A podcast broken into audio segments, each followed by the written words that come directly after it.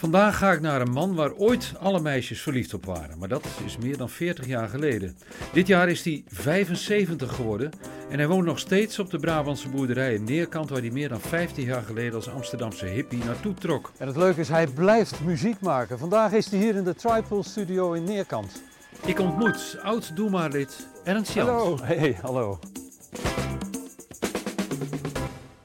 Ernst Jans, ja, hier voel je je thuis denk ik hè? Ik voel me hier thuis, kan je wel zeggen. De studio van uh, Tripole in, uh, in uh, jouw eigen woonplaats Neerkant. Ja, klopt. En je hebt onlangs het een en ander opgenomen hier. Ja, een paar weken terug hebben we hier mijn laatste cd, nou de cd, de nummers van mijn laatste cd opgenomen, laat ik het zo zeggen, ja. Het past in jouw autobiografische reeks van boeken met een cd. De cd is nu klaar. Hoe is het met het boek? Het boek is uh, in, in, in, uitvoering. Je bent bezig? ja, ik ben bezig. Ik ben heel enthousiast begonnen. Maar ja, toen kreeg ik het heel druk met onder andere de, de, die nummers die rolden er ineens uit. Die cd? Uh, die, ja, die nummers voor de nieuwe cd. Dus, hm. de, dus, toen dacht ik van nou snel opnemen. Want uh, je weet maar niet wat er gaat gebeuren. En, wat een geschenk, nummers die er zo... Ach, het is echt fantastisch. dit boek had ik dus bedacht wil ik gaan hebben over uh, de liefdesrelatie van mijn ouders. Mijn vader komt uit Nederlands-Indië. Mijn moeder was een, uh, ja, een meisje uit een straatarm gezin in Amsterdam-Oost.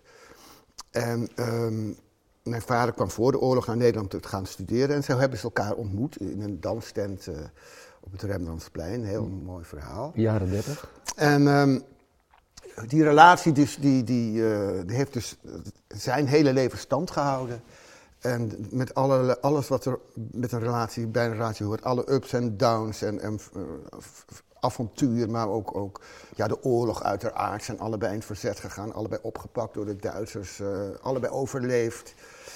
Het is gewoon een prachtig liefdesverhaal. Dus dat wou ik, ik, heb er al een um, aantal dingen over geschreven in al mijn verschillende boeken. Uh, maar nooit het hele verhaal aan één stuk doorverteld. En dat vind ik nou juist zo mooi en dat wil ik graag doen. En toen ik eenmaal dat idee had, om, om het daarover te hebben. Toen rolde de nummers er eigenlijk heel snel uit. En, en wat gebeurde er? Ik herkende ook situaties van hè, mijn ouders vlak voor de oorlog. Hoe, hoe ging het toen? Wat, de spanning, de, de, ook de, de, de, um, de polariteit die ontstond en, en, en noem maar op. Het, de aanloop naar die, die, die Politiek bedoel je, de politieke spanning. In politieke de, spanning, maar ja. ook in, bij de mensen zelf. Hè, mm -hmm. Van, van uh, wat, wat is er aan de hand, wat gaat er gebeuren? Uh, er is van alles aan de hand in Europa. En, uh, en um, is, ik, ik vond daar bijvoorbeeld, de, de, de, de, het was mooi, mijn moeder vertelde een mooi verhaal in de oorlog over... Uh, dat zij de, de, avondklok was ingesteld en ze mochten de straat niet op. Maar zij, zij woonde toen aan de overkant van het ijs en ze moest met de pont mee, maar het was te laat. Dus, en toen kwam er dus een, een, een, zo'n motor met zijspan van de, van de SS kwam er aanrijden. En, en toen mocht ze in een, bij een Duitse soldaat in een, in een huisje, die, een wachthuisje bij, bij het ei, want ze moest het ei oversteken. Mocht ze bij hem schuilen om, voor, tegen die, die SS'ers. En vond ik zo'n heel mooi verhaal. Um, en, en toen was er in Nederland ook een, een, een, uh, een, een uh, avondklok ingesteld. Toen dacht ik van ja, dat is toch eigenlijk wel raar. Want de avondklok wordt normaaliter ingesteld door een, een overheid die zijn eigen burgers niet vertrouwt. En toen dacht ik van nou, dat is toch... Toen kon ik dus de woorden niet vinden. Maar nu, omdat het over mijn moeder ging en over... kon ik ineens heel makkelijk daarover schrijven. Snap je? En Om, toch... de, omdat we door corona voor een deel ook een beetje dat soort dingen meemaakten. Ja, precies. Ja. En, en, en uh, dat vond ik dus heel... Ja, Hoe hebben jouw vader en moeder elkaar ontmoet eigenlijk? Hoe ging dat? Hoe ze elkaar ontmoeten? Ja. Oh, dat is een mooi verhaal. Nou, mijn, mijn moeder was dus, uh, woonde in Amsterdam-Oost, wat ik al zei, straatarm gezeten. Ze moest leven van de steun. Dat vond zij een enorme vernedering. Ze kregen ook kleren van de steun. Dat wil zeggen, bepaalde uh, kleuren, dat iedereen kon zien dat je van de steun leefde. En um, ze had, haar ouders waren gescheiden. En de, de, de vader, haar vader was dus hertrouwd met een hele lieve, lieve uh, tante Annie, lieve vrouw. En um, dan ging ze nog wel eens op bezoek en dan kocht die tante Annie voor haar en haar zusje, als ze op bezoek waren, een mooi jurkje. Dat ze eindelijk toch iets moois te, aan te trekken hadden. En, ehm, maar ehm, mijn oma was dus zo arm dat ze die jurkjes onmiddellijk in beslag nam en naar de lommer breng, bracht. Zo kreeg ze weer wat geld. Nou, dan zag mijn moeder dus op een gegeven moment eh, een nichtje van haar met haar jurkje lopen. Want een tante had er dus die, eh, die, die kleren eh, gekocht van de Lombard. Zo arm. Ja. Zo arm waren ze. Dus mijn moeder schaamde zich daar vreselijk aan. Die dacht van, ik, ik, ik wil hier uit dit milieu. En het is heel mooi dat ze dan als enige van het gezin sprak ze beschaafd Nederlands. De anderen spraken allemaal plat Amsterdam. Mijn moeder sprak beschaafd Nederlands. En het was een mooie, mooie meid. Uh, dus de jongens uit de buurt, die, ja, daar had ze wel chance mee, maar die vond ze te min. Mm -hmm. En op een gegeven moment was een van die jongens, die nodigde haar uit voor een, een avondje uh, dansen in, uh, een dansster op het Termdansplein. Mijn moeder vond die jongen niet leuk, maar ze dacht, als ik er maar eenmaal ben, dan... dus ze is met die jongen meegegaan. En toen was ze daar aan het dansen met die jongen. En toen zag ze al een, zo'n hele beetje donker type, zo. Heel aantrekkelijk was het in die tijd. Uh, zag ze aan de kant van de, van de, zaal zitten. En toen werd een wals aangekondigd. En die jongen, met wie ze was, kon niet walsen. Toen stond mijn vader, want dat was het. Mijn vader voor haar, mag ik deze wals van u? En ze zei later altijd van, ik zweefde weg in zijn armen. Ze wist meteen, dat is het. Die man, die moet ik hebben. Ja. En ja, hij was student natuurlijk. En hij, kreeg hij kwam dus, uit Indië, hè? Hij, ja, hij, hij kwam uit Indië. Ja.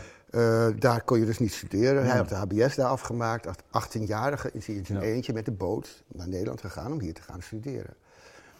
En uh, dat is ook weer zo'n mooi verhaal. Dat uh, zijn ouders, die, die spaarden dus geld uit hun mond om hem te laten studeren. Hij kreeg dan een maandelijkse uit, uitkering van hun. En die heeft hij op een gegeven moment... Heeft hij, uh, voor dit, dit, geld wat zijn ouders sturen om te studeren, heeft mijn moeder meegenomen naar Parijs. en daar nieuwe hoedjes gekocht, uh, een nieuwe jas, nieuwe, nieuwe schoenen, uh, nieuwe tas, alles.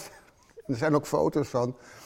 Dat je mijn moeder ziet voor de Champs-Élysées, voor de Eiffeltoren, voor de Arc de Triomphe, allemaal met hoedjes. En was vast heel goed voor de romantiek. Hè? Ja, maar dus, mijn vader was, was echt heel stout. Hè, dat hij dat deed. Maar het was natuurlijk een prachtig verhaal. Maar die mensen hebben een zware tijd gehad, hè? want er kwam oorlog aan en nou weet ik het allemaal. Hè? Ja. Echt, echt een moeilijke tijd. Ja. Ik moest eraan denken toen ik naar, jou voor, naar jouw laatste werk luisterde, uh, De Neerkant. Ook een boek met cd. Ja. En daarin beschrijf je eigenlijk veel van de jaren zeventig. Een hele andere tijd, waar je bijvoorbeeld zingt, ik was een hippie. Ja, ja. ja dat is... Um, ik, ik, beschrijf zo af en toe... Uh, uh, mijn, mijn geschiedenis, laat ik het zo zeggen. En een groot, een belangrijk onderdeel van mijn geschiedenis is uh, het moment dat ik uh, vanuit Amsterdam vertrok met een band, de CCC. Incorporated heette Wij zeggen de CCC, de CCC zeggen we ook. Meer dan 50 jaar geleden inmiddels? Ja, meer dan ja. 50 jaar geleden inmiddels. Ja. Ik studeerde aan de Universiteit in Amsterdam biologie. Maar um, ik viel steeds in slaap tijdens de colleges, dus ik wist wel dat dat, dat, dat wordt eigenlijk niks. Mijn vader was net overleden, dus ik, ik kon me ook niet concentreren. Niks. En toen zat ik in dat bandje en dat bandje ging verhuizen. We speelden ergens in Deurne, in een tent. En um, een van ons, Joost Benefant, die de band had opgericht, was geabonneerd op het krantje, het blaadje van de ruilverkavering. Want de ruilverkavering, de 70 jaren, die was in volle, eind 60, 70, begin 70 jaren, was in volle gang. Dus alle landerijen werden uh, strak getrokken en, en uh, sloten werden strak getrokken. En er verdwenen dus, of moesten verdwijnen, boerderijen, die kwamen leeg te staan. Ja, wat gebeurde daarmee? Dus die werden te koop aangeboden in het blaadje van de ruilverkavering. Nou, toen speelden we hier in Deurne en er stond een boerderij in Neerkant. En toen zijn we gaan kijken. En nou, daar werden we echt verliefd op. Het was zo'n mooie plek. En de, de moestuin die, die liep zo door het bos in. En, en toen was dus een week later, een paar weken later, was de openbare verkoop in het dorpscafé Neerkant.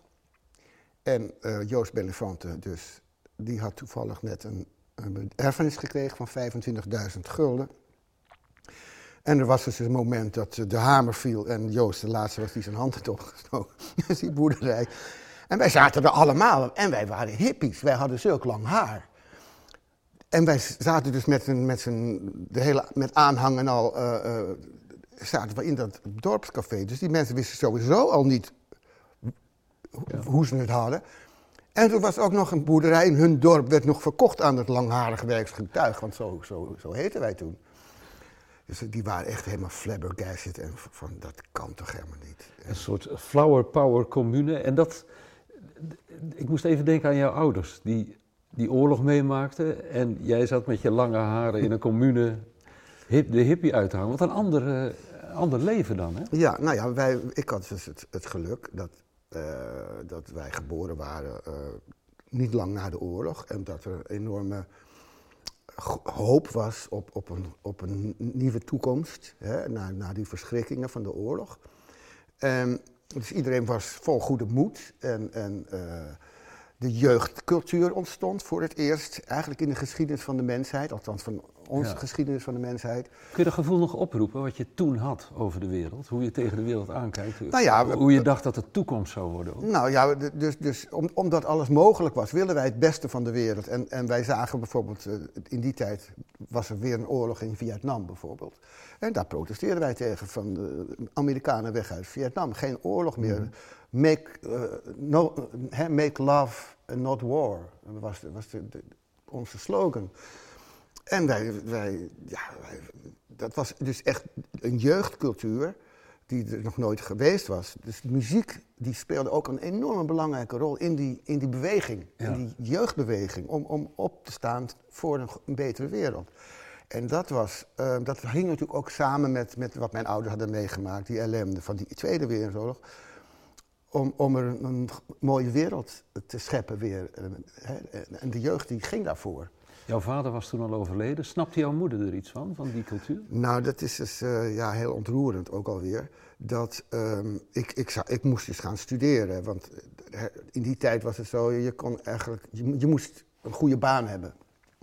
En zeker omdat mijn Indische afkomst in, Nederlands-Indië was dat sowieso. Van, als je mhm. geen goede baan had, dan verdween je ergens in de kampong. En dan, dus je moest een goede baan hebben. Dus ik zou gaan studeren. Nou, dat, maar goed, over, en ik deed heel veel voor mijn vader, omdat hij dat nou eenmaal zo vond dat dat moest. En, dus ik ging braaf studeren. Maar ja, toen was hij eenmaal overleden. Dus toen dacht ik van, ja, wat doe ik er nog voor? Ik heb helemaal geen zin om, om dus, en maar mijn moeder, die, um, die maakte het dus allemaal mee met die overstap van mij van Amsterdam. Want ik woonde alleen nog met mijn moeder in, in de Molenbeekstraat in Amsterdam. Je geboortehuis ook, hè? Het geboortehuis. En, en ja, toen ging ik verhuizen met die CCC naar Brabant. En toen, uh, om mijn schuldgevoel een beetje af te kopen, heb ik toen voor haar, van mijn, ook weer van mijn studiebeurs, heb ik voor haar een televisie en een ijskast gekocht. Want die hadden we niet, we hadden niks thuis. En... Uh, toen ben ik dus naar Brabant verhuisd. Als een soort vervangend gezelschap bijna. Ja, dat ze niet alleen was, precies.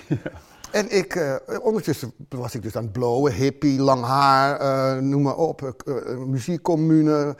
En zij heeft dus nooit één afkeurend woord over mij, daarover gesproken tegen mij. Helemaal no nooit. Ze was er altijd voor me en ze kwam ook heel vaak hier naar Neerkant. En dan ja, ging, begon ze te poetsen en een beetje, ja...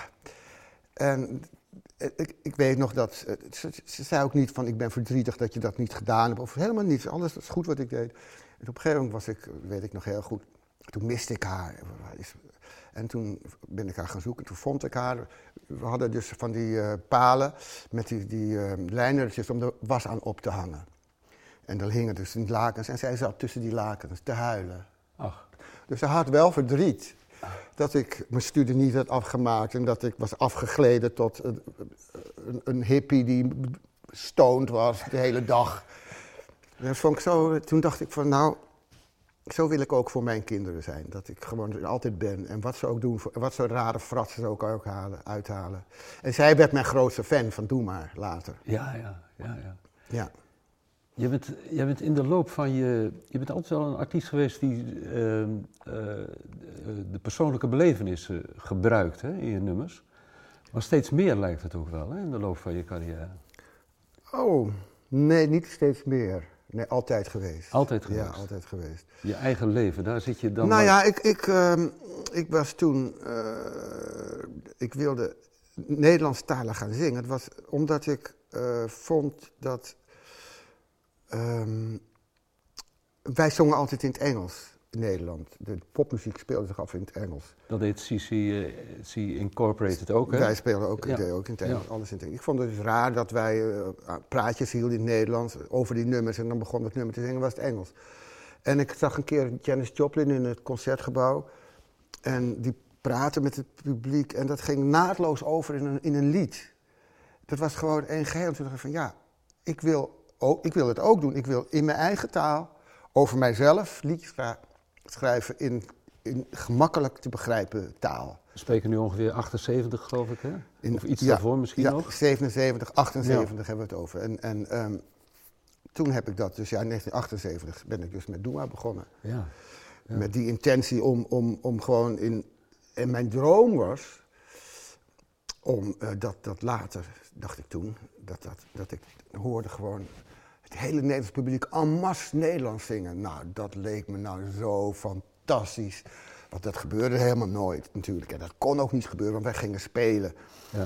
En, en uh, in, in ja, van die underground tentjes. Uh, vroeger had Provatja heette dat. Het uh, was, was allemaal underground. Dus en heel kleinschalig. Heel kleinschalig. En, en dan in het begin van Doe Maar begonnen wij te spelen. Uh, muziek, een hele leuke introductie. En dan begon ik het Nederlands te zingen. En dan waren er mensen die zich walgend omdraaiden. Want dat, dat kon helemaal niet. Popmuziek in Nederland. Dus dat was echt een strijd. Ja, ja. Moesten we leveren om, om, dat, om dat erdoor te krijgen. Ja.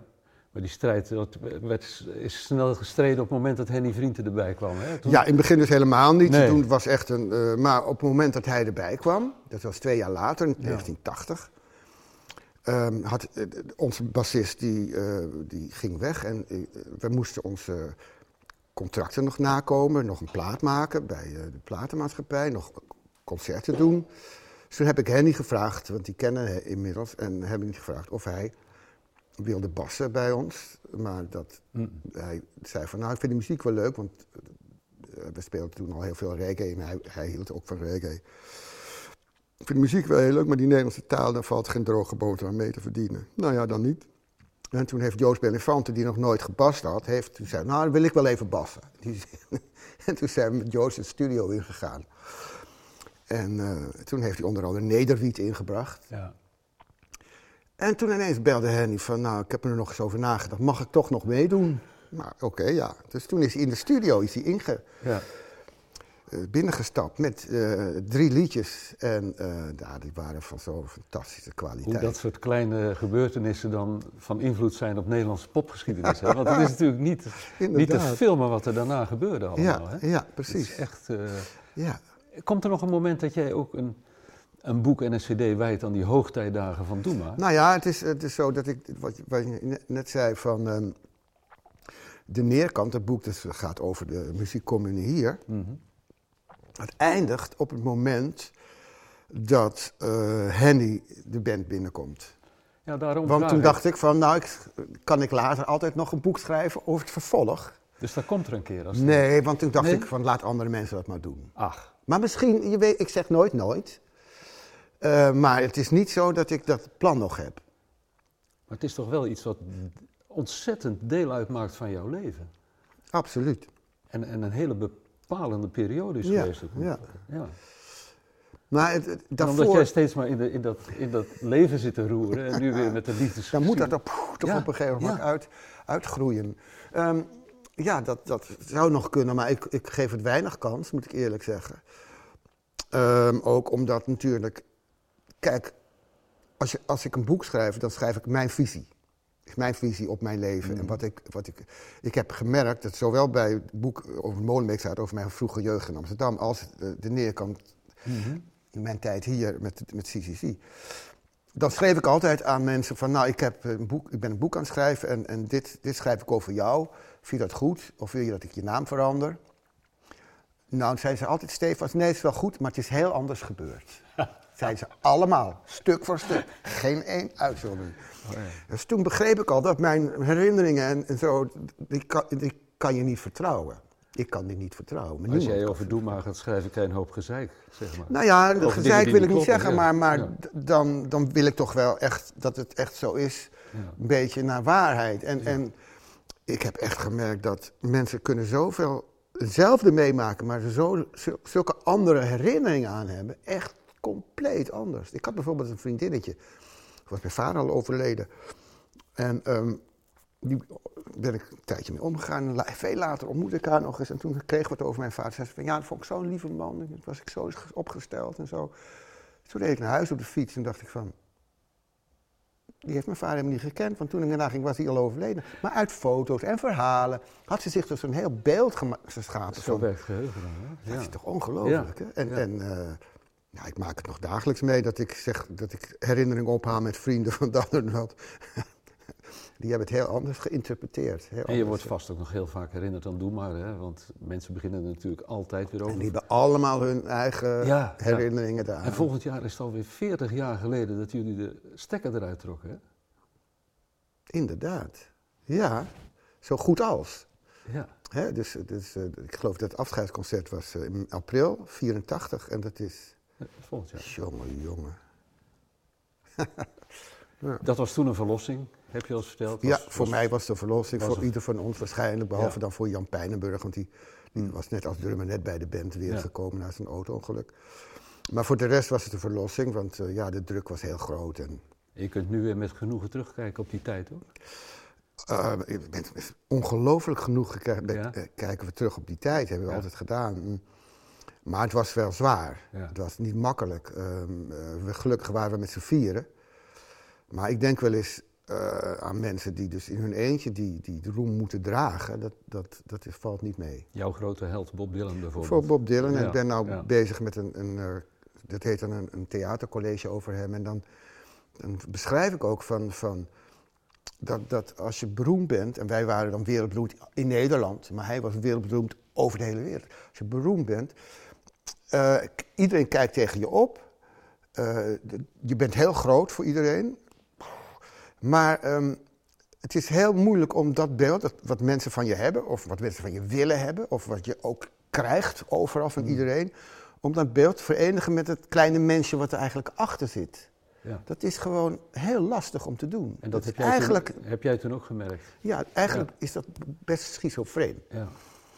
Dus het is, uh, maar wij waren gelukkig met, met, wij konden het delen met elkaar. En wij waren bovendien al ouder, in de dertig. Ja.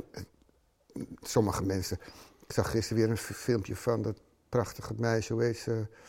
Billie I uh, mm, Eilish. Eilish. Die is, die is, zo jong en die is dan zo...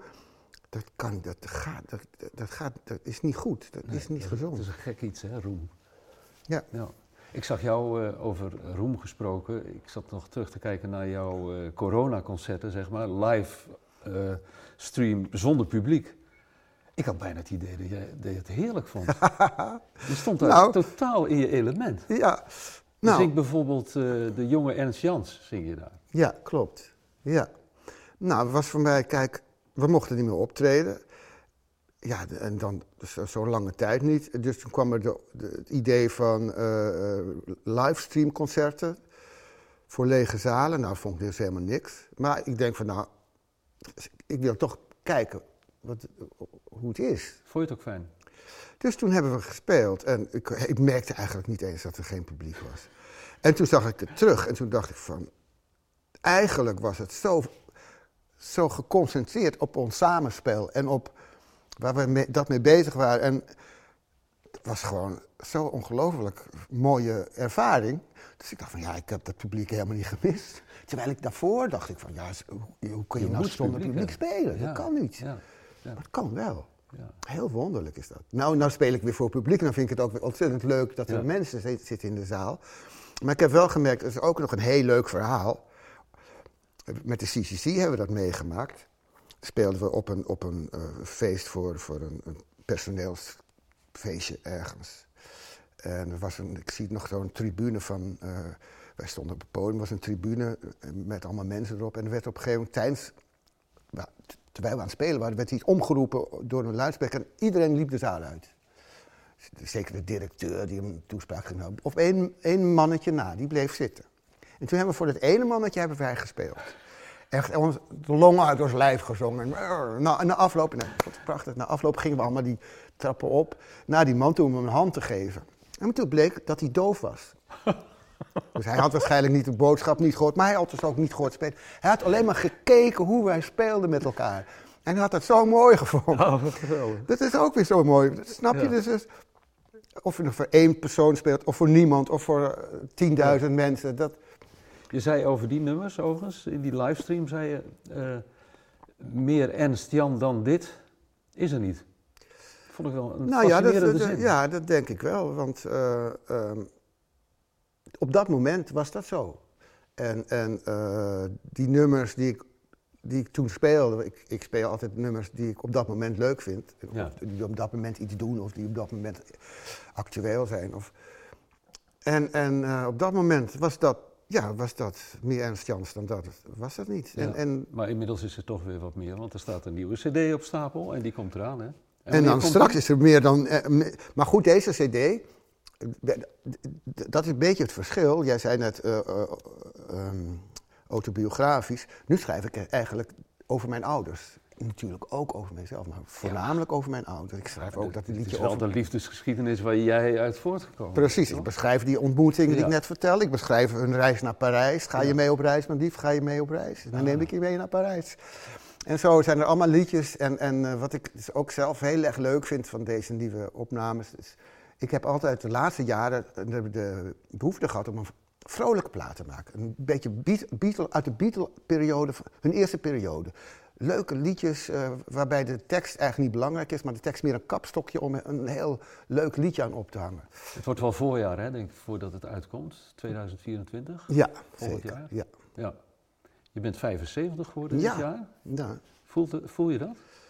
Aan mijn botten wel, ja. ja? Verder niet. En dan, je, ik bedoel, er komt nou. nog steeds nieuw. Er komt nog steeds nieuwe inspiratie en zo. Ja, toch wel. Dat, wat dat betreft, uh, ik vergeet snel dingen. Hmm. Sneller dan vroeger, laat ik het zo zeggen. Dus dan merk ik het ook wel aan. Maar uh, over het algemeen uh, ben ik nog wel vol bruist het daar nog wel. Ja, je treedt ook nog veel op, hè? Ja, ja ik treed veel op en het is echt zo leuk om te doen ook weer. Dus ja, er gebeurt van alles nog. Er is nog steeds meer Ernst Jans. Ah, mooi gezegd. Ja, ja. Dankjewel. Graag gedaan.